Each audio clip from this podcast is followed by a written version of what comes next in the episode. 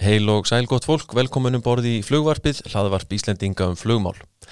Hallgrímur Jónsson eða Móni, eins og hann er alltaf kallaður, á einn lengsta atvinnuflugmannsferil sem Íslendingur hefur átt. Byrjaði að læra til atvinnuflugmanns 1960 og hann er enn að starfa við flugið. Ég kalla hann yfirleitt herra yfirflugstjóra því hann hefur þá stöðu í mínum huga. Hallgrímur hefur á ótrúlega löngum og farsælum ferli séð gríðarlega breytingar eiga sér stað í fæinu. Núna flýgur hann á mælingaflugvel fyrir Ísafja og hefur á síðustu árum tekið á annað þúsund flugnema í próf á öllum stegum flugnámsins. Flugmaðurinn Hallgrímur Jónsson hér í flugvarpinu eftir smá stund. Ef þú vilt skipta um áfangastað eða breyta dagsetningum greiðuru ekkert breytingargjald. Bókaðu eða breyttu. Það hefur aldrei verið einfaldara. Kynntu þér málið á icelandair.is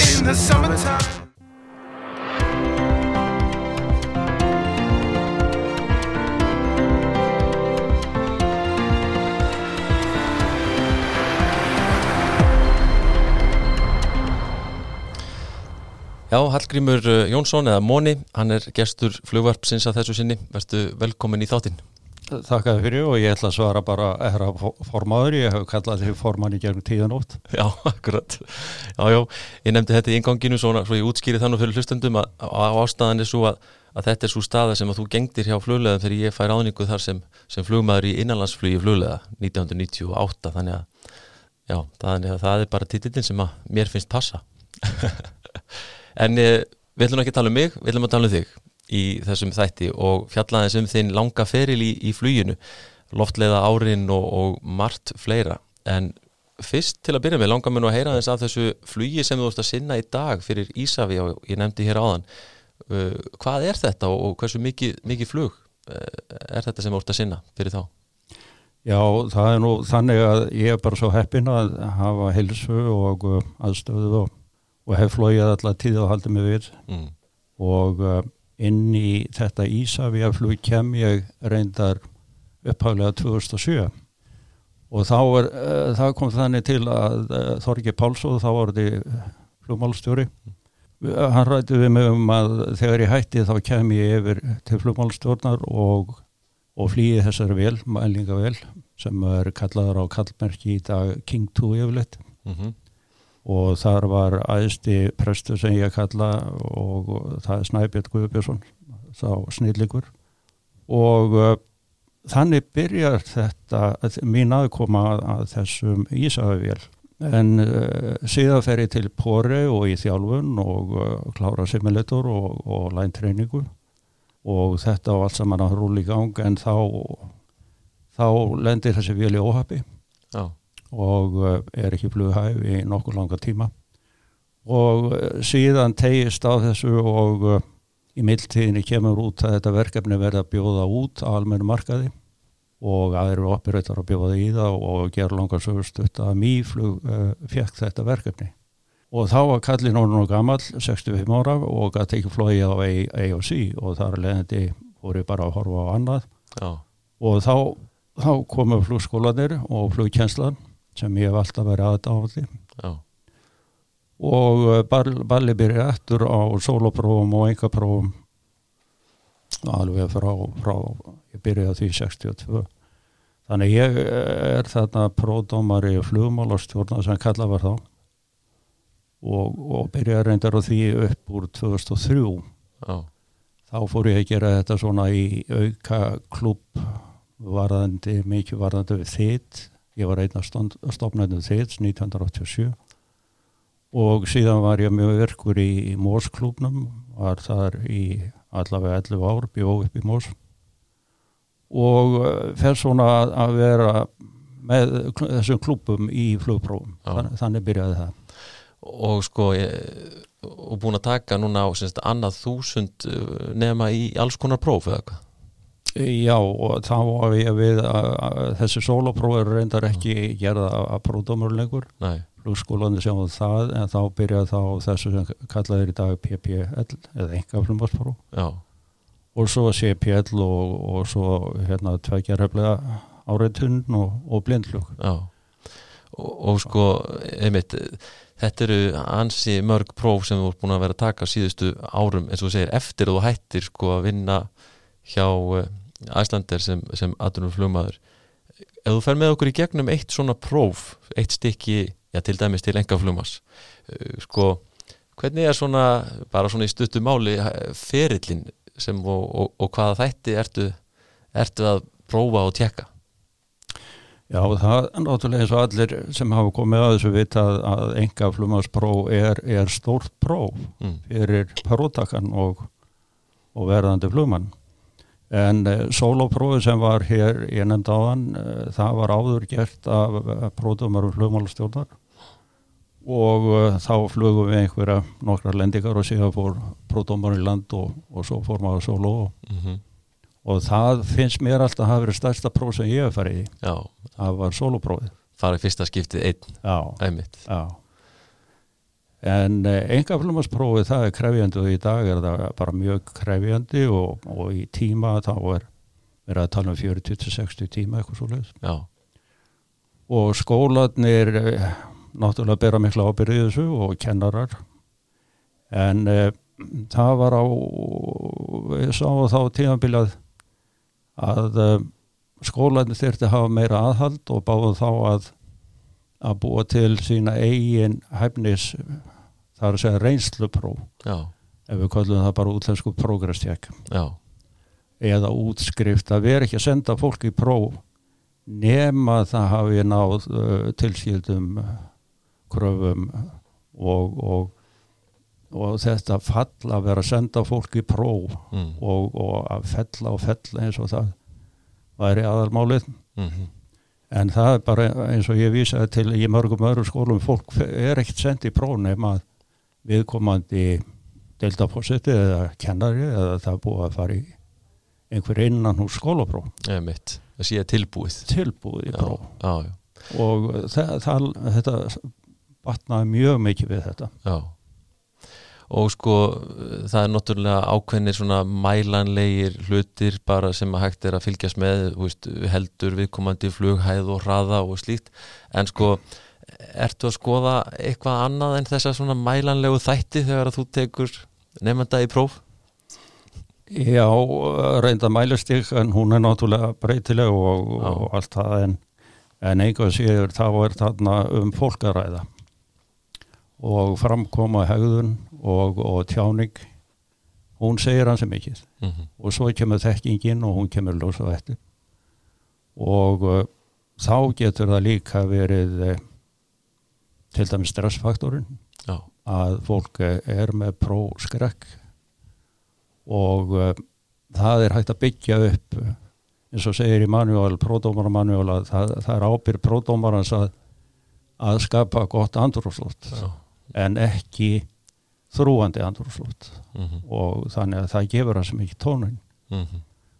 en e, svo að það er á móti prófið þá, þá er þetta bara núna í framhaldi mjög líkt progress prófunu sem fólk fóru í hjá hlúskólanum Já, þannig að það veit vel hvað, hverju það ávona á það, Þessi óvæntu eða mm. svo kölluðu rekkjustælar -hmm. það er ekki aðferð sem, sem ég hef verið hrifin af Nei, nei Einmitt. En sko aðeins aftur að þessu flugiðinu á, á, á King er vel fyrir Ísafja eh, er þetta ekki doldið skemmtilegt flug? Þetta er mjög uh, áhugavert flug, þetta er sérstakt flug, þetta er eins og maður segir þetta er special operation þannig Já. og það er ekki bara nóg að læra vélina og fljúa henni á milli á að býja það þarf að læra mælinga aðferðinar mhm. -huh. og ég ætla ekki að fara að halda því fram hér, ég, ég flýg sem aðstoflumar og uh, ég flýg eða er á vakt hjá þeim bara 15 í mánuði mm.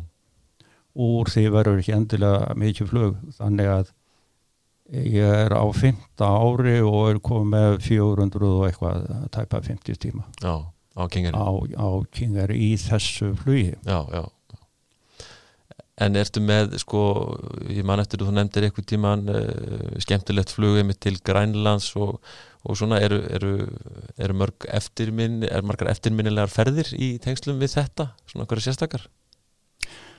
Já, þetta er, þetta er mjög sér, sértæk uh, útgerð. Mm. og uh, ég nefndi Snæbjörn aðan og hann er náttúrulega algjör höfupörriðis og Freirik Simursson og ég hef farið með þeim á Grænland og eina þrjátúra og uh, færi þó nokkuð marga. Og síðan voru við í upphæði 2016 þá fóru við Noreg og það var geysilega lærdómsrikt fyrir mig þá sem, sem og, og rætt, nú, nú vitnum við mig sem airline pilot. Já, já. þetta er bara sértæk uh, sértækt flug sem maður þarf bara að læra. Og, og nær því ekki neymi læntreiningu það er ekki bara að þarna séum aðflugstæki að, að prófa eins og ILS og Localizer og VR og, og Papillós og, og Steep Approach til dæmis í Grænlandi þá var mikið megnið að þessu verið 800 metra brautir og stýpa próts og, og, og samsetningin af þessu getur verið ansi krefindi Já. og þannig var maður uh, mjög fína þjálfun hjá, hjá þessu snillíkum Já. E, Þú nefndi líka við mig að sko hérna án við hómum þetta viðtal það var eitt sinn sem að þessi flugvel er, er kölluð út í svona útkall alfa, björgunarflug má segja, getur þú sagt okkur aðeins frá því?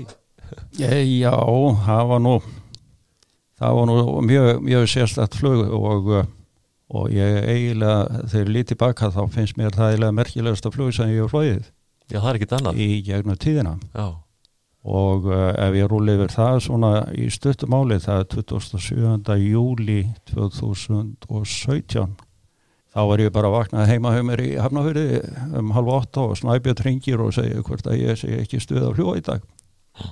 Jú, það er allt í lagi. Og þá segir hann við erum með eh, meiti útkall söðvestur á Íslandi sennilega 200-250 mílur og það er skúta sem er með meiti kall þrýmernborð og hauga sjór á sæðinu Já, já, bara eins og maður segir í brækvöldar út á völl og og uh, við erum, já, hann ringi kort eftir átta.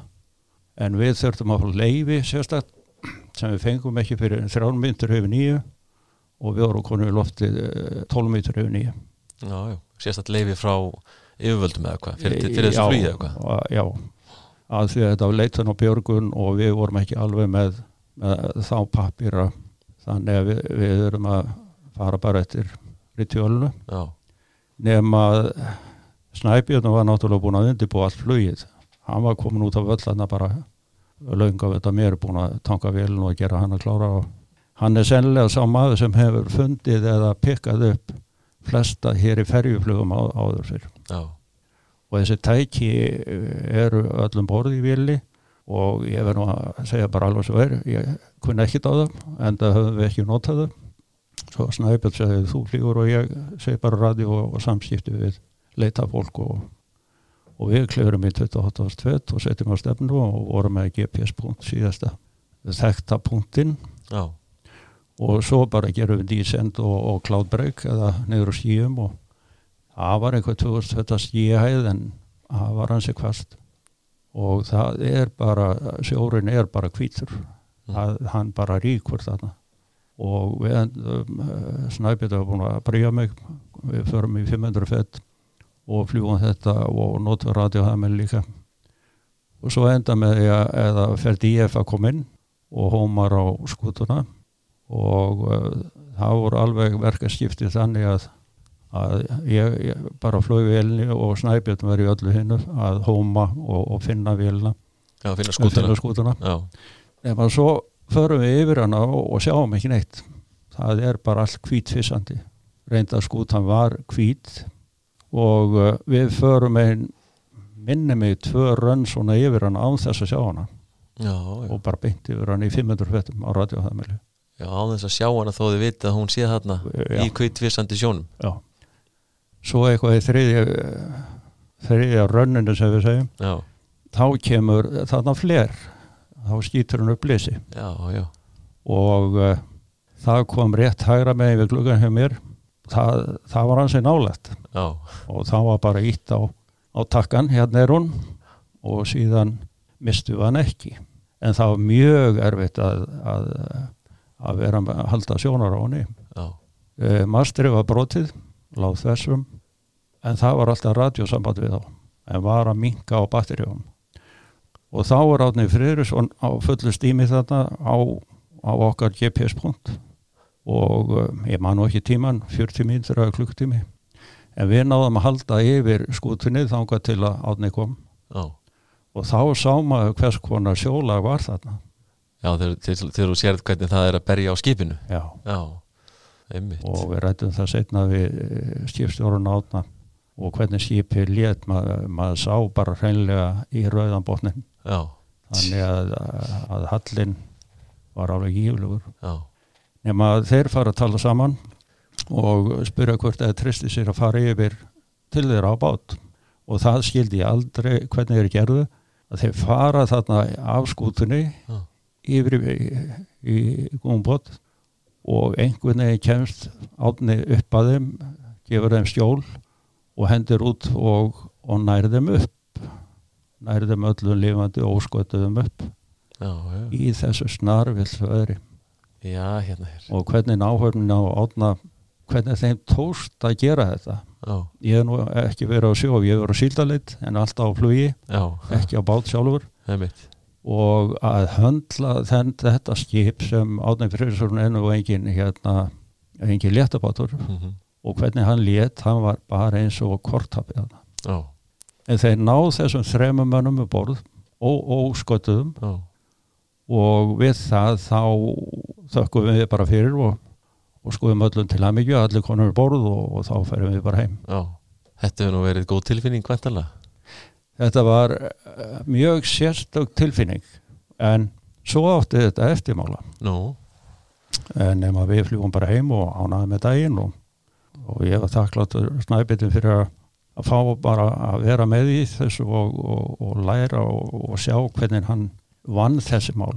Mm ég hafði ekki fengið þjálfun á svona. Nei. Nema svo kemur að því að að ég fæ e-mail og það er þá frá skipernum af skútunni.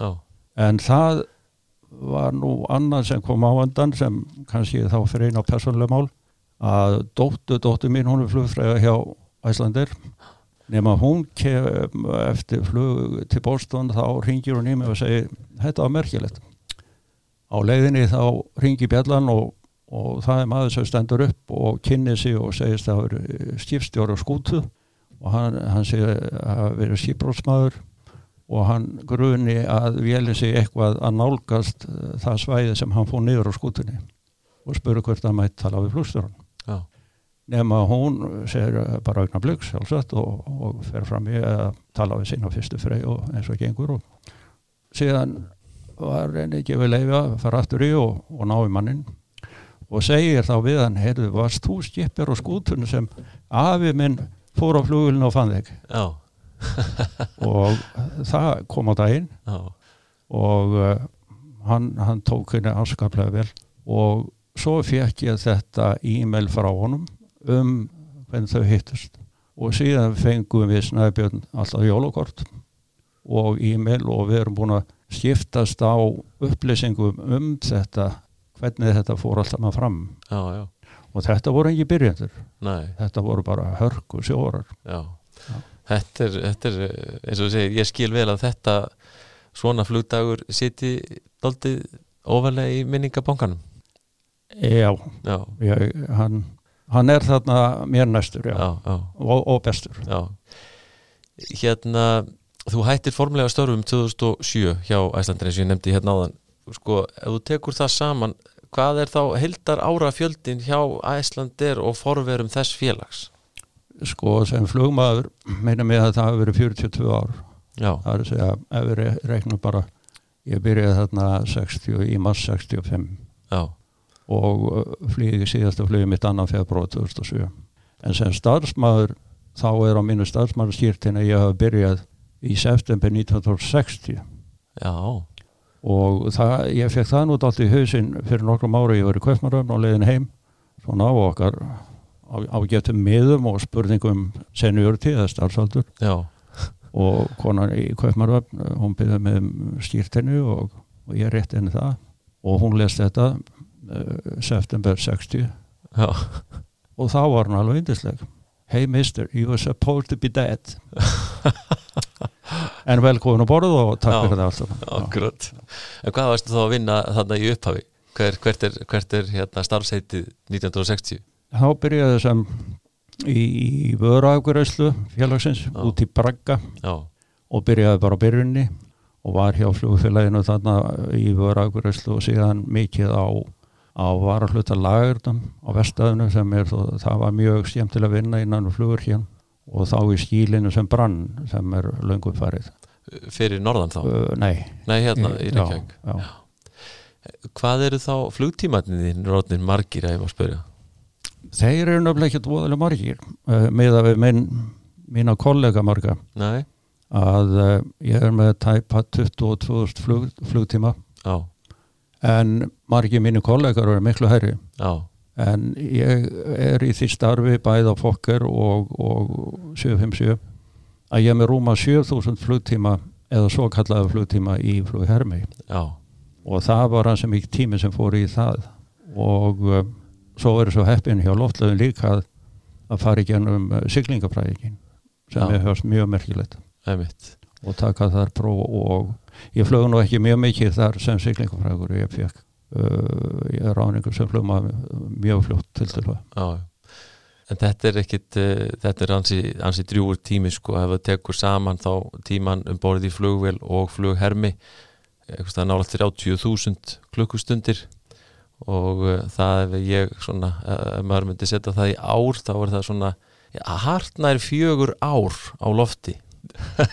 Til, að, til að setja þetta í eitthvað samingi, það er ansi, ansi drjúur tími, en er þetta búin Já. að vera, og horfðu tilbaka, góðu tími? Eh, ég hef ekki séð auðvitað hafa verið upp og niður og, og það hafa verið atvinnumál vandræði og fér gekk misjaflega vel hjá fjölun þannig að við erum búin að fara í gegnum marga dýbutnar Mm þannig að þetta hefur ekkert verið dansa rósam hvorki fyrir flugur reikundur eða segjum bara stjettina eða ég man eftir það voru fjóru ráni til loftlega 64 tveir þeirra urðu flugstjórar 70 Já, en hinn er tveir ekki fyrir 82 þannig voru 12 ár. Einmitt. þannig að ég er ekki gera þetta er náttúrulega alveg sér þáttur og kapituli hver staðan er í dag. Vissulega, við höfum aldrei séð neitt svona. Nei, nei, ekki einu sinni eftir tvíbaraturnana eða nei, nei. þannig að uh, við þurfum ekki að fjöleira um það að þess staða uh, flugsins í dag hún er alveg einstök. Já, því miður. Alveg felleg Förum aðeins í upphafs árin svona, eh, förum tilbaka þegar þú ert að byrja svona þinn feril. Uh, Byrjum nú bara á því sko, hvernig kemur það til að þú ferð að læra að fljúa? já, það er náttúrulega bæði hefni og, og, annað, ég var bara að leita fyrir mér hvað ég ætlaði að gera og byrjaði rafvirkjun og leist ekki á langskólanám. Ég horfði svolítið á rafvirkjun eða yðnám eða, eða bændaskóla ég vel Já, og svo var ég gull í músík eða ekki gull að heldur svona, var að læra á sín tíma.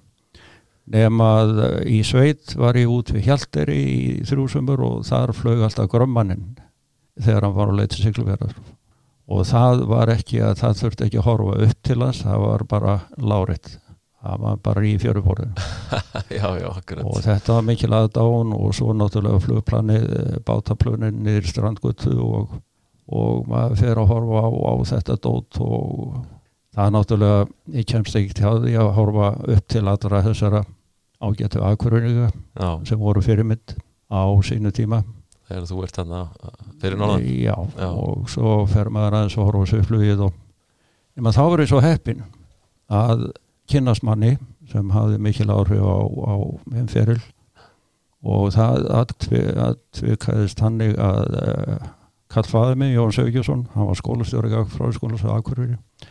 Og ég kem bara inn í stofu og þar situr hjá honum maður í, í fullu uh, uniformi. Já, og þar satt þá Ingimar Sveibarsson við helsust og, og þeir fara eitthvað að ræða um Ingimar var mættur þarna til að verða væntalegu nefndi, nefandi undir gagfræðapróf já, já, hjá pappaðin já, Já. eða gagfræðaskólan Já, já, þá kom í ljósa að Ingimar var orðin flugstjóri þarna á, á DSC3 en eh, krafanu gagfræðapróf hafið þeir eitthvað skólast til og nú skildi allir vera með gagfrapróf Já, svo fjandakonni, ég hugsaði mér ég kom með þetta gagfrapróf eða það ekki hans gott snóð þá? Nema yngimar fer í, þarna, í skólan og, og ég maður eftir að þeir voru eitthvað að grínast með þetta og mann ekki hvað sagði nema hvort það hafi verið pappi bara já, ef þú kemur stráknum uh, í, í flugið þá, þá kem ég þér í gegnum gagfrapróf já, en þeir stóðu báður við sitt. Já, já, já. Já. Þannig að hann hefur, hefur þessi áhrif að setja þetta ferli alltaf stað. Þeir þarna, Já, og meiri séu bara í september þegar ég fyrir suður að læra þá, þá var það fyrsta heimili mitt fyrir sunna það var græna hlið sjö í Herbyggi Ingimas þá var hann í Grænlandi og mér var bara tekið eins og bara fórstu sinni af þeim því ágæta fólki. Já, akkurat. Þann, þannig byrjaði það. Og þú ferð í flugskólan þitt þarna eh, þegar þú ferð að læra Já. og bóklegt og verklegt vendarlega hvernig svona hvernig var aðbúnaðurinn þarna og, og ákvaða flugvelum ert að fljúa þegar þú ert að læra? Þetta var mjög skemmtilegt. Þetta byrjaði náttúrulega allt á, á J3 Já, og ég er svo heppin að eiga hlut í Pipecup í dag já, og fljóðun með þá og það er TFKP ein af kjænsluvélum uh, þess tíma. já, já. Nú byrjunin var nú svona, ég verið að viðkjanna maður var náttúrulega utan landi, við vorum nokkur utan landi að það guði upp að sjálf og og Já, frá Ísafirði. og, og heldur svona saman þessir utanbæðmenn en uh, þetta blandaðist og okkur var ágætlega tekið og kennarahópur var þetta allt stór þannig að ég fer í sólópró eftir sjö tíma en hafði flóið þá með líka sjö flugkennarum já, já. Og allir höfðu sína skoðun hvernig ætti að gera það og hvernig ætti ekki að gera það. Já, og alveg opaslega gaman. En þetta var Pipecup og svo náttúrulega tók Supercupið uh, P18 og uh, ég er bara heppin þar eins og ég svo mörgu að ég á hluti P18 í dag. Og flýði nú var á fluginu fyrir dag já, já. Þannig að ég er ekkit komið lengra heldur en ég er bara Pipecup og Supercup. Og þetta er alltaf gaman?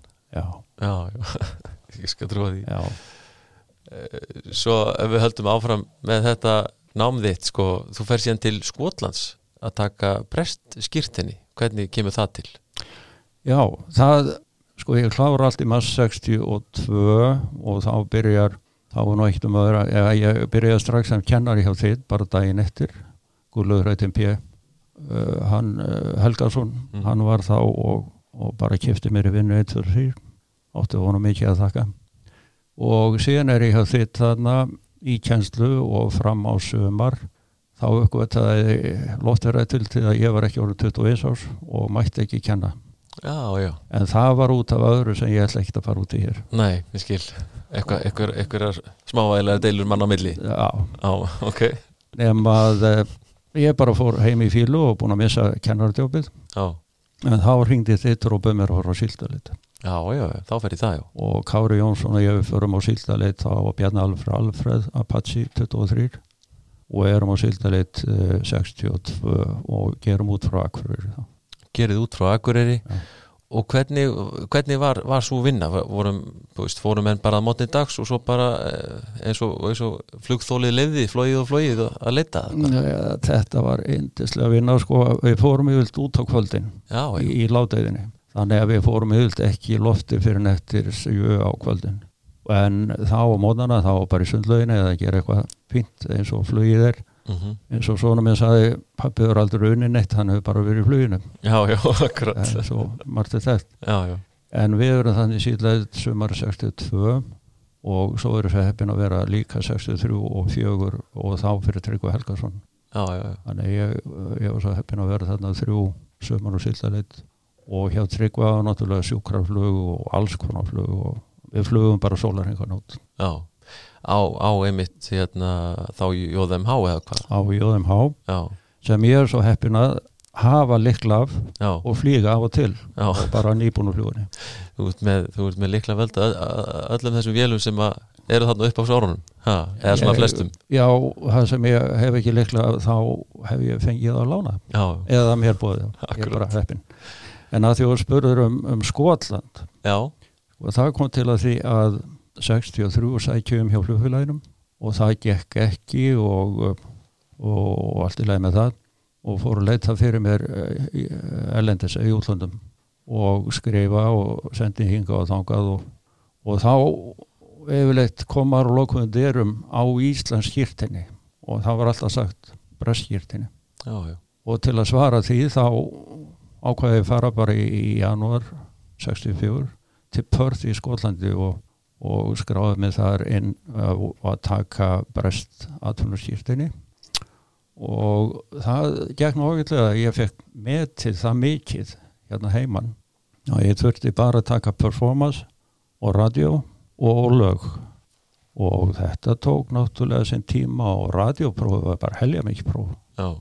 og í leginu fór ég að bæta þau mig eh, hérna simulator eða linki og upp á að taka brest blindflug líka Já. en ég var með blindflug hérna heimann og allir ekki verið með eina 500-600 tíma þegar þetta var Þannig að tilgangurinn er fyrst og fremst svona að gera sig eh, vera svona með gildan aðgangum með að, að stærri markaði til þess að fá vinnu Já, það má vel að segja að þetta hafi verið upphafið af, af jærskýrtjónum eða EASA-skýrtjónum í dag. Já, einmitt. Að vera bara með presskýrtinni, til dæmis Afrika, ég var mikið að leita Afrik og hafði frétt af Ómari Tómasinni heitnum sem fór í Dakka.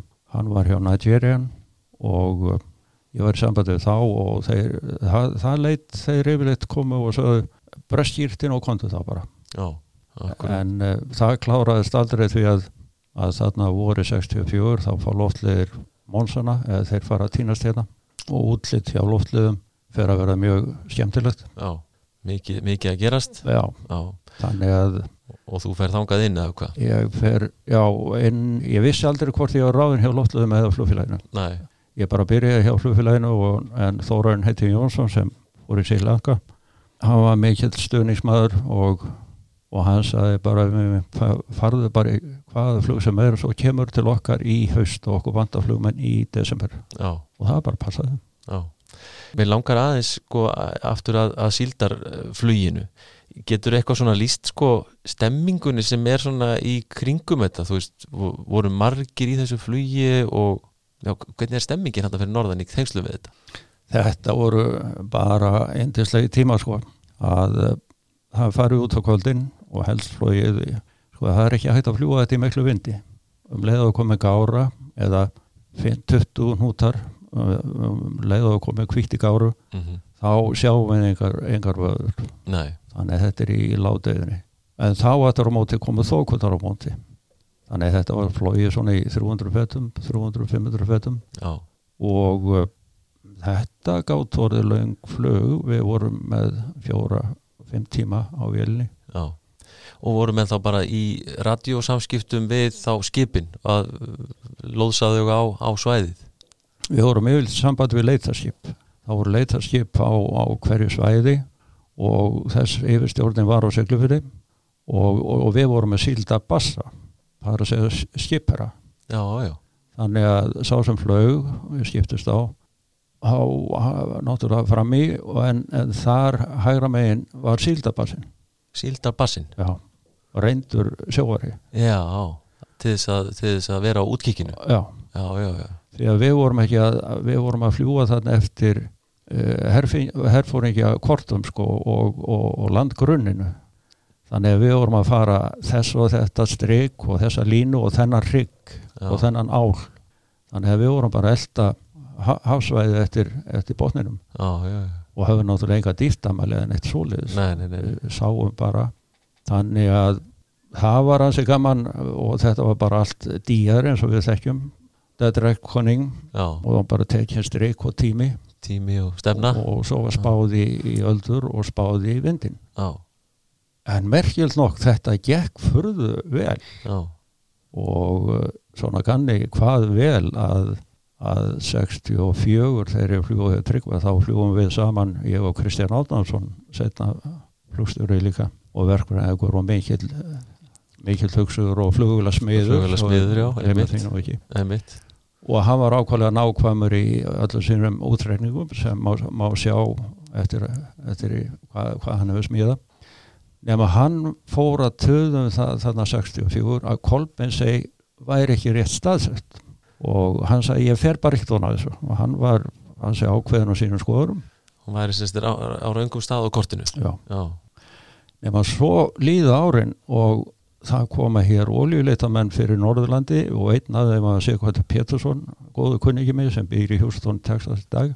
Og hann er olju, í oljubransanum og þeir eru þá konum með GPS og eru þarna í mælingum. Og ég fer að gauka þessu eitthvað á hann og hann sagði við bara tökum þetta út. Ég taka staðsendingu og GPS og heldur að Kristján hafði ekki haft rétt fyrir sér. Já, auðvita já, streykja þessu út frá Grímsey út á Kolbisey já, það gekk bara aldrei upp eftir okkar siglingafræði nei. Þannig að út uh, heitar landgrunnið og fiskveiði uh, lögsagan. lagsagan og allt það. Já, já, þetta er bara sögulega breyting. Já, akkurat. Einmitt. Eins og með DC þristin sem að eh, DC 3 og þristurinn sem að þú ert ráðin á að ferða að fljúa fyrst sko hjá flugfélaginu. Uh, hvað var nú erfiðast við að fljúa þristin? það var nefnilega ekki derfitt á fljúanum Nei, það er mjög gott á fljúanum og að þú nefnir það að fyrsta flugið sem fyrir á þristi þá var það var nú svolítið skemmtild eftir að heikja þar er Jón Ragnar Steindorsson hann var að byrja sem þjálfunflugmaður og er þá í vinstrarsæti og ég græn ekki inn þarna hægra megin og er að fara í svona inntökupróf. Þetta var ekki beint þjálfunapróf þetta var inntökupróf.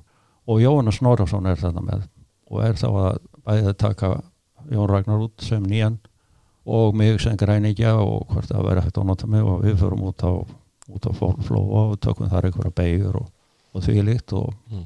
það er mjög, mjög gott og það er þetta þresti. Ég hafði flóið alltaf með já, og fengið að hanga á stýrum og þannig að það gekk allt vel og svo láta strákinn lenda og ég veist ekkert hvað ég voru að gera. En að það passaði bara eins og við þrest að gera ekki neitt þá gengur allt fínt upp.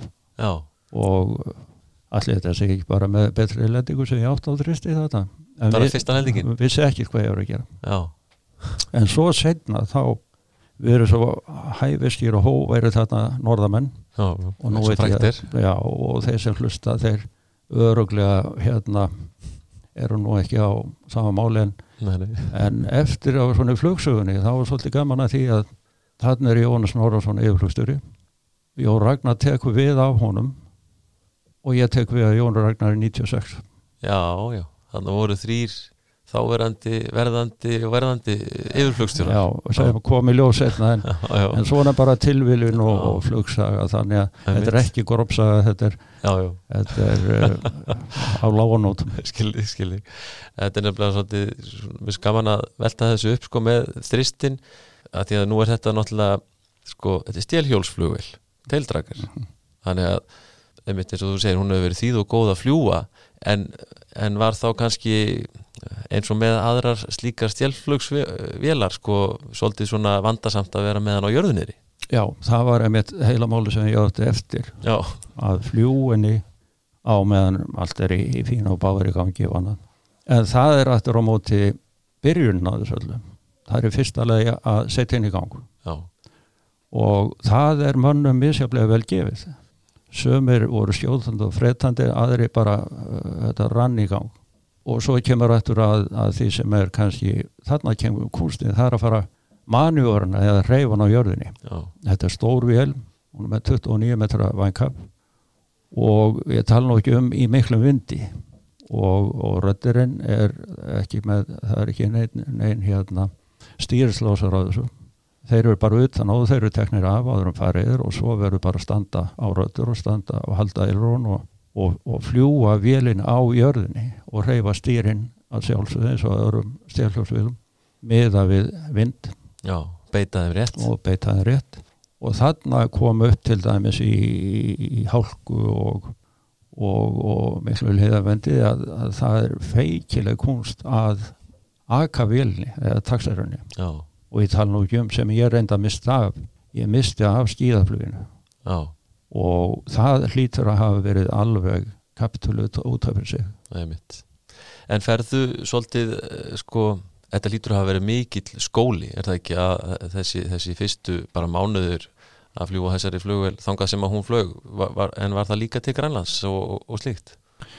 Já, ég, ég man eftir tveimur Grænlandstúrum þarna bara þetta strax sömari 65 og uh, svo fór ég með yngjumar uh, til færi og, og það niður til Glasgow. Og uh, þetta var um Ólásökuna og það var mjög mótvendur og, og við höfum ekki og erum að lenda á, á hérna á, Hebedís til að tanka á Stónavi lendum á Stónavi og tóku þar bensin í viðbót. Og þetta var hörku túr. En maður er náttúrulega græningi og uh, ég hafi tekið bóklægt próf á þristin í Berðlandi en ekki verkljótt oh. svo fór ég aftur hérna í flugfélaginu þannig ég var búin að setja einn þrjúnámski og þrist á bóklægt en svo kemur á fluginu og ég vonaði með ég segja sögur bara eins og þar voru hlutin voru bara öðruvísi í þá daga oh. að við förum þannig að hefugaflug og klárum það og uh, þá var ég bara kynntu fyrir ágættu manni Sigur Haugdal, Haugdal nýláttinn, blessið minning hans og, og ég á að fara með honum á, á sögokrók bara þarna eftir ægaflöðu og þá erum við bara farin að fljúa með farða það var bara beint af stað. Já. Já, já. og þá málega segja sko að flugnámið hjá manni það var með þessum ágættum mannum byrjum á þristinum og þeir kendu okkur. Það var enginn flughermir og ekki þetta að læra að fljúa þristi nema að fljúa honum þá í, í farþegaflugi og það var dáltið líkt með á sexunni hjá Lóttlu setna að við förum náttúrulega alltaf æfingaflug á bara velin út á flóa og, og kláruð það og svo förum við að fljúa með þjálfun og flugmannum eins og hafðingjum eins og Magnús Guðmundssoni og Magga Nordal og nú er ég farið nefna nöfn og þá verður maður að passa sig að gleyma ekki góðamannum þetta voru soma og þeir kenn okkur þetta. Já.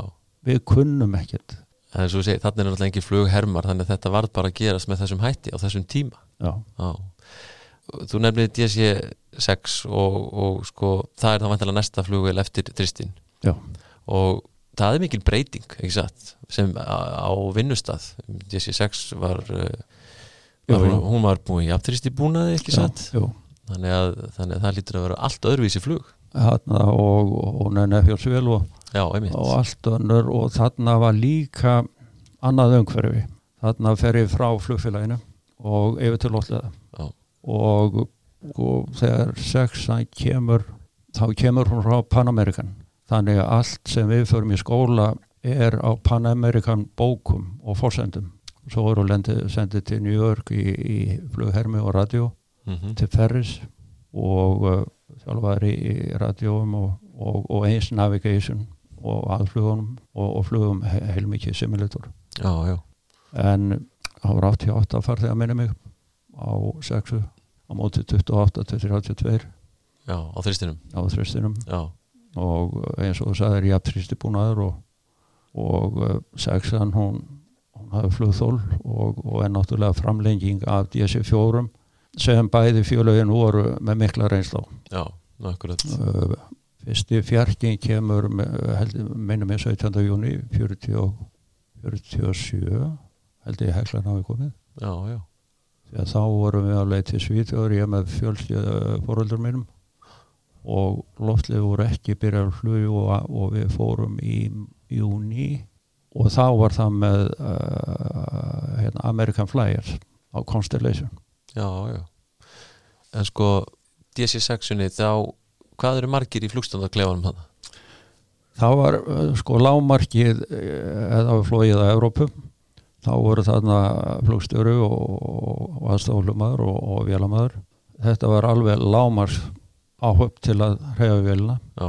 og það var nú eftir aldrei farin eitt nefn að hafa syklingafræðing og hann var þá í með syklingafrægur eða eða setna var návró þegar það voru líka radiooperator áður sem var sett í eina stöðu og voru kallaði náróar navigating radiooperator eða. Akkurat. og það voru snillíkar og svo setna þegar við vorum konum með réttindi allir kórar þá flugum við stundum tveir kórar og annar navigeraði þá. Já, akkurat. Og en svo fórum við helja mikla túra til, til Skandinavíu, til Oslo og það er Kaupmannafnar og, og upp til Helsingi og tilbaka, já, fram og tilbaka. Þá voru tveir vel, velstjórar og tveir kórar þannig að það var hansi fjölmyndanda frá mig Já, já, akkurat. Og hérna þegar þú ert að fara þessi fyrstu flug hérna á, á DC-6 er það ekki rétt hjá mér? Þá eru amerískir flugstjórar eins og varst ennum með Panam. Eru þeir þá að, að fljúa með ykkur eða hvað?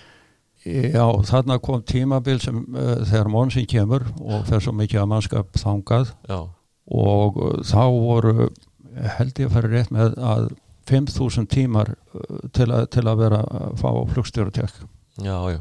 Og kóarnir voru ekki með það. Það vantaði bara uh, já, reynslu mikla menn. Já. Já, og það var nú akkurat það. Og þá komu voru ránir amerikanar já, og uh, það var misjöpsöður í þar. Og uh, það gekk á ýmsu en, en þá flög maður mikið með kaftinni og vélamanni og fyrsta, fyrsta flug mitt til New York það var með amerísku kaftinni og vélamanni. Og uh, þetta voru sk skröldegi tímar. Ég skal trúa því.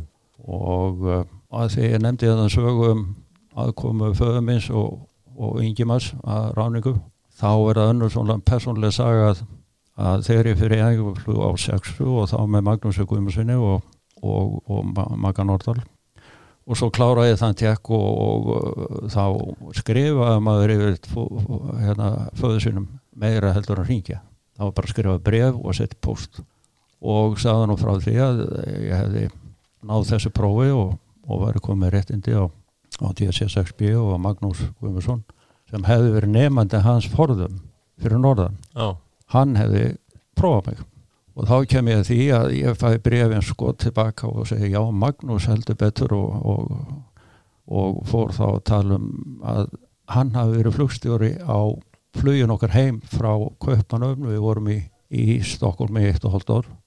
En þegar við flugum heim þá er Magnús flugstjóri á Heklunni nema við vorum að koma frá Stokkólmi og hafði verið hótel í Kaupanöfn og þá uppgötast að Ríksugan hafði glemst niður á hóteli já, Electrolux eða hvað það hétu þarna þessa fínu. Já, og pappi við höfum talað eitthvað um Magnús hvað sé langt í þetta og hvort hann hafi tíma til að taka legubíl og ná í ríksöguna já, já, já, ekkert mál. Nema þá kemur upp kafinu að pappi var ekki með neina peninga. Og sagði maður minn "Ge- getur hann rúið lána með fyrir bílum já, það var ekki vandamál. Og svo bara klárum við þetta og svo er flóið heim og þá skrifar hann mér þarna tilbaka nú er ég ekki góðum málum.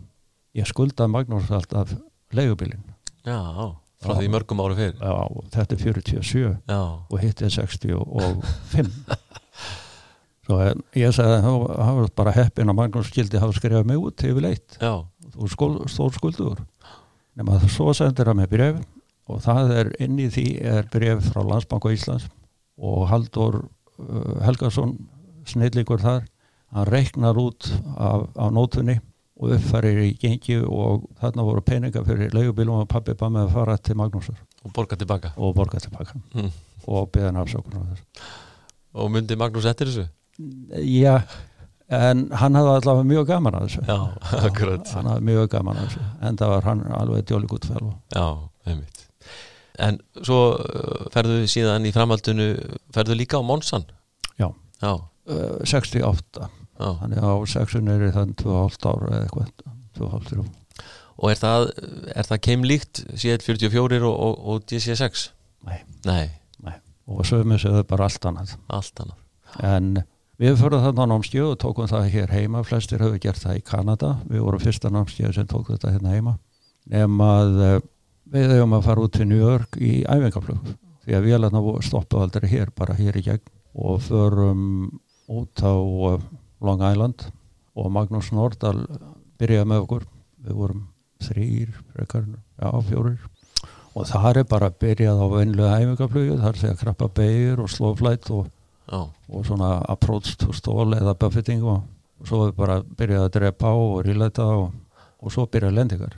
Og þeir sem muna og, og þeir, að því spurður voru þær ólíkar þessi sexan og mórsinn einmitt það var bara eins og annars sveiflu og hitt skreitir ekki en Ég kunni alltaf vel við Mónsan Já, og vantarlega hefur það verið að því að að fór reyna, að reyna bara fljúur með sem að fyndist að þægjalegt eða best. Það voru mjög margir sem hafðu svona ímigust á já en mér fannst þetta alveg óbúrslega flott vel og en lendingardag átt voruð alltaf harðar og það voru til búms og þarna voru náttúrulega engir gráðspólar en eitt og ef það var búmsa þá var búmsa Já. Það verður kannski nokkur. Nokkur og við, við fórum út á uh, Long Island Piconic River plant á Grömmaflugullur og klárum okkar æfingaflug það tók þó nokkuð tíma. Já. Það voru allavega einn, tvær vikur. Og náttúrulega Monsin er miklu stærri flugvél heldur en TC6 já, það munur alveg helling. Já, sko sexan var 103 pund með autofyriku hinn fór upp í 210 já Og ég farþegi að fjölda eins og nefndir á rúmlega 100 og upp í tæplega 200 189 Já, Monsin. 189, Já. 88 og upp í 189 já, maður munar bara 100 Já. Annað sem er sko, það, það er áfram þessi svona fjöldið hana fram í yfirleitt, eh, eins og þú segir, það er siglingafræðingur, vélstjóri, flugmaður og flugstjóri Já. og eitt af því sem er í þessum vélum og er meira að segja síðan áfram í DC-8 er þetta þetta astrodóm eða svona gluggi til að taka stjörnurskott Já. hvernig, hvernig fór þetta fram? Svona, er eitthvað hægt að lýsa því? Já, já, já, þetta var stjórnu hérna kíkir. Við byrjuðum nú á þessu á sexunni það var Já. nákvæmlega eins og, og þessu, þessu var bara stungið upp í gegn á, á, á viðandi hátt og upp í þennan dóm. Svona það glugga bara? Já, já, kú, kúpull.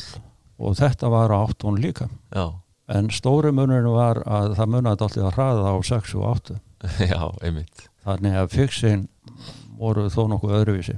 Og en ég náði því að, að þurfa að, að nota sextant á DC-8 frá New York í flugi beint til Lux. Já, já, það voru verkvöld hérna í Kanada og, og svo voru ofinbært verkvöld hér eitthvað. Þannig að við vorum þannig á nokkra áfnir flugum bara uh, Lux New York og uh, þannig að Þorkjell Jóhannesson hann var að gefa mér endur þjálfun á áttuna. Mm. ég var nú heppin að kela það með. Nema að uh, þá var svo mikið um að vera hjá manni að ég var næri búin að hengja mig bara í snúrunu af sextandinu, ég nýr hún svo margar hengi en uh, þetta gekk allt og Kjeli var svo rólegur og, og náði að kenna manni þetta. Svo fekk ég release og, og fór þarna einhvern eitt túr eða tvo. Og lendi í því samattur það var erfitt að ná stjórnarskotum eða yfirleitt bara nokkur, nokkur position. Og við erum 43 norður þannig að við erum um aðsóri fórum hann ansið sunnalega og þá er svo heppin að ég var búin að heyra á, á, á HF-inu að TWA var það neikst að nálægt. Ok, og fór að hlusta betur á hann og þá sín, fannst mér að vera bara á sama trakki og við.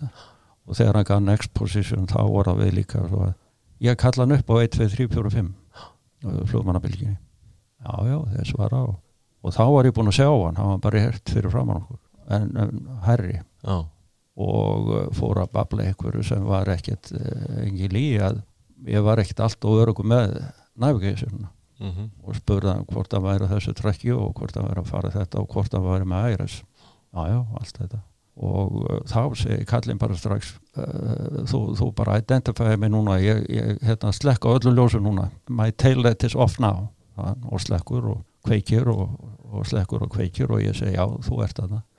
Þá sagði kallinn hei, það, það, það er eitt í viðbót hvað verið heppin hi Sonny, follow my tail light. Já. Akkurat, bara yfir hafið. Já, Já, og við fórum sunnarlega fyrir sunnan Íland og inn til Já. Og sko, nú erum við kominir á, á, á DC 8 og hérna það, það er náttúrulega opbóðslega mikið breyting eins og nefndir áðan með hraðan að vera komin á þegar, þegar farið úr fjórum uh, reiflum versus upp í fjóra þótur reifla já, það hefur, hvar, hvar voru menn að taka þjálfuna á þávél til dæmis? Sko þar áttunni sem við byrjuðum 1970 þá byrjuðum við alla þjálfum hjá Eastern Airlines í Miami vélarnar komu svo setna frá Seaboard en á þessu tíðanbili stóð til að kaupa vélar frá Eastern og við förum þarna í gegnuð þjálfun þannig að uh, það var fyrst miða við tvær vélar og ég lendi í áhöfn sem var svona standbæi áhöfn skúli Brynjólfur og Jói Guðmusvélamæður og ég, við vorum svona vara áhöfn í bóklega þannig að þegar að, að Simanu kom þá vorum við sendir heim nema Jói, hann, hann var að klára þessum vilstjóri og uh, þá fór ég í mikið af byrjun Kargolús að fljúa Monsa sem var köllu Júlan, LL Jóð og við, það voru konar tvær áfni og þrið áfni fyrir að fljúa þarna og ég er með að maður ekki ólásinni og við fyrir að fljúa bara í frækt og þetta er byrjun á Kargolús. Ah, og, og fljúum fyrir Salín hérna skipafélagi sem verður til þess að við erum í Stokkólmi þegar Kargolús er stofnað. Akkurat. og eru þá fyrstu þrjára áfniðar hjá Kargolús já, já, en þá gerist það í mildtíðinni að einn mál sem lendir í Kennedy með hjól, uh, hjól ekki læst og þannig að hann gaf sig í lendingu. Og Daniel Pétursson hafa kaft þetta nema að hann lendir þarna á vagnum og er með fulla vil af farþegum 189 manns og löpuð allir út og, og engi með skráma þannig að þetta var mjög vel gert ah, hjá allir í áhörninni og fyrir vikið þá var keft eða leið einn átti viðbót og við vorum settir í, í þjálfun alveg á fullu. Já, já og hún er náttúrulega alveg til bara þángar til að menn fara síðan að endur nýja flotan og fara í tveggjarhefla flugvelar hérna undir, uh, undir 1990 og þá er náttúrulega þessi, þessi mikla breyting sem að verður í, í flugstjórnarklefanum orðin tveir, tveir menn og, og, og tveir reyflar Þetta var mikil, mikil breyting og, og þetta var miklar deilur og skoðanaskipti mikil á vélategundum og vali og, og, og eins og segir mönurinn þannig á tveggja manna kokpitt og, og svo eftir á móti úr fjörrefla, úr þryggjarrefla í tveggjarrefla á hafið Einmitt. og uh, menn hefði mjög sterkar skoðanur um þetta og deilur innan, innan fíja já. En svo þekkjum við söguna en, en þetta voru deilur já, og ég var þarna í falpa nefnd fyrir fíja og við vorum sendir til uh, Airbus og þetta var gaggrínað og, og uh, þannig að menn voru mjög mikið á mótið. Já, en þetta hefur nú sannað sig sem, sem örugur, örugur ferðamáti, myndi ekki neitt, telja neitt annað í dag. en sko þú verið þjálfunarflugstjóri 1986, var það eitthvað svona sem þú stemdir á? Eða var það eitthvað bara svona sem gerðist? Nei, það var, það var bara eins og annað sem ég lendi í, þetta bara einhvern veginn atvikast og ég er þá þetta saminingin fyrir á, á fokkir 84 og uh, er hafði nú alltaf fundist einlandsflögi skemmtilegt og, og var svo heppin að vera þarna í 7 ár á F-22 og að því að spyrjum þetta þá var þetta ekkert sem ég átti vona og það var allt í hennu ringi garðar heitin Steinarsson í mig og, og kjöfum með þessu hugmynd. Ah. og það er kannski það sem er þótti einnkjörlega stuð þetta það var í fyrsta lagi að ég var ekki búin að fljúa vilja mjög, mjög mikið. Nei. og ég hef búin að fljúa henni þarna í eitt og hálft ár. Og uh, ég læta nú fjúka svona ganni þú, þá má þá bara klippa það. Að, uh, að ég var líka frá loftluðum hvernig óskopunum dætti um í huga að, fara að nota mig sem þjálfum flugmann á fluglega en uh, þá var mér stundum nú því að nasir að ég var í svona flugfélagsmaður stundum og svo var ég bara loftlega maður þegar hendaði og Já, gæst leikið, leikið hérna tveimur skjöldum eða svo að segja. Já, að mörgu leiti að, að því leiti að, að ég, ég byrjaði þarna hjá flugfélagina en uh, loftlega æfintýrið og loftlega ferillin mm. hann var ég, ég þakka fyrir það og þá hefni Já. það var yngi marfa óaðsvektur að ég fekk ekki vinnu hjá flugfélagina og ég líka var aðalast en ég var það ekki lengi þannig ég segi alla tíð ég, ég er mjög heppin að hafa fengið að, að, að sjá smjörþegin og að hvort veikjast En þegar þú verður ert yfirflugstjóru gegn þessari stöðum nokkur ára skeið hver eru skemm, sko, erfiðustu og skemmtilegustu verkefnin í svoleiði starfi að vera yfirflugstjóri? Sko, skemmtilega við það var náttúrulega, jú, alltaf gaman að, að vera innan um fólk og, en það voru faglegu hlutinni fannst mér Já. að fá að taka þátt í pælingum uh, hvert átt að fljúa og, og hvernig og gætum við gert það þannig að það voru svona fyrst og fremst faglegu málinn Já. svo eftir á móti þegar það kemur að hinnu þar að segja svo kvölduðu mannahaldi eða vera með fólk og, og vinna með fólki. Það, það gæti verið erfitt. En, en mjög gaman líka. En það má segja að það sem skólinn sem bjergaði mér, ég, ég sagði stundum að nú, nú vantar mig að hafa farið í gegnum sálfræði. Já. eða jável alveg í lögfræði eða önnu fræði sem ég ætla bara að sleppa að tala um. Já, já. því að eh, ég var bara lærið flumadur og hafði ekki þekkingu á vandamálu sem þarna kom upp. En uh, það sem bjargaði mér oft það var, ég, ég var mjög virkur skáti allar tíð. Og þar læriði maður ímislega sem að gæta alveg nota þarna. Og, og bara svínu virkaði mörgum tilfellum. Eins og hvað? E, til dæmis klapp á aukslega betra sparkir á skatt Já, akkurat og þá ganga hlutinir oft betur já, já. en það er svona mannlega samskiptið og en sko við hérna getum örgulega spjalla hérna í allan dag Móni, þetta er það er á svo mörg að taka en uh, fennu að síða og setja hlutan á sig hjá okkur ef þú verður að hérna, velja þér starfsvettvang í dag, vitandi það sem þú veist hvað var í draumastarfi sem þú myndi velja sem flugmaður? Já, það er svo margt í þessu sem hefur verið tilveljanir og maður hefur ekki beint ráðu fyrir heldur svona dottið inn í þetta allt. Uh, tilbaka til dæmis ég hef óskaplega gaman að í kringum íflug, ég þjálfa þá í sjúkraflugi, ég hef verið þarna með Ísafið sem við erum búin að tala um. Ég kem aðeins við Norrland og sjúkraflug, grannlandsflug það, það heitla mig í dag. Og, og svona græsrótaflug að fljúa bara tildrakar til dæmis að, að fljúa sem airline pilot það væri ekki beint raumir þó, þó ég eigi tvær dóttudættu sem býða eftir að komast í, í eða eru er hálfpartin konar í þjálfun eða búin á með þjálfun Já. þannig að ég skil það alveg en það er bara að því ég búin með þann pakka þá og þú spyrir þá minnir það mig á að ég flýði 1963 til Grímsau með Vladimir Askenazi þann mikla pianista og stjórnanda. Og hans konu Þórunni. Og þetta er einhver dýrasti farmur sem ég flóði með. Og hann eh, hafði mikið áhuga á flugi og, og, og ég veist að Karajan hann stjórnandi, hann, hann flög öll, öllum sínum vélum, lírdéttum og öllu, tala nú ekki um John Travolta. Og að því að þú varst að spyrja þá er spurning mín að vera meira og meira uh, ég, ég sé eftir músíkinni að ég var, ég lærði á fylgu og var mikið á fylgu og, og að við vorum að tala um Ingemar Sveinbjörnsson áðan þá var hans bróður Einar Sveinbjörnsson konceptmestari og músíkinn að ég sveik sjálfa mig svolítið og músíkinn að hafa ekki farið í músík Já. og verið lengur þar. Þannig að svarið er ég myndi farið í músík. Og myndi farið í músík í staðið fyrir flugið. Það er held ég ágætt í svona endapunktur á þessu Móni, Hallgrimur Jónsson flugmaður, takk helga fyrir komuna í flugvarpi og deila þessari sögu með okkur. Já, sömulegist, takk fyrir mig. Látum þessu lokið í vili flugvarpi kveður að sinni og uh, þökkum ykkur góðar kveður og takk fyrir að hlusta. Þar til næst góða stundir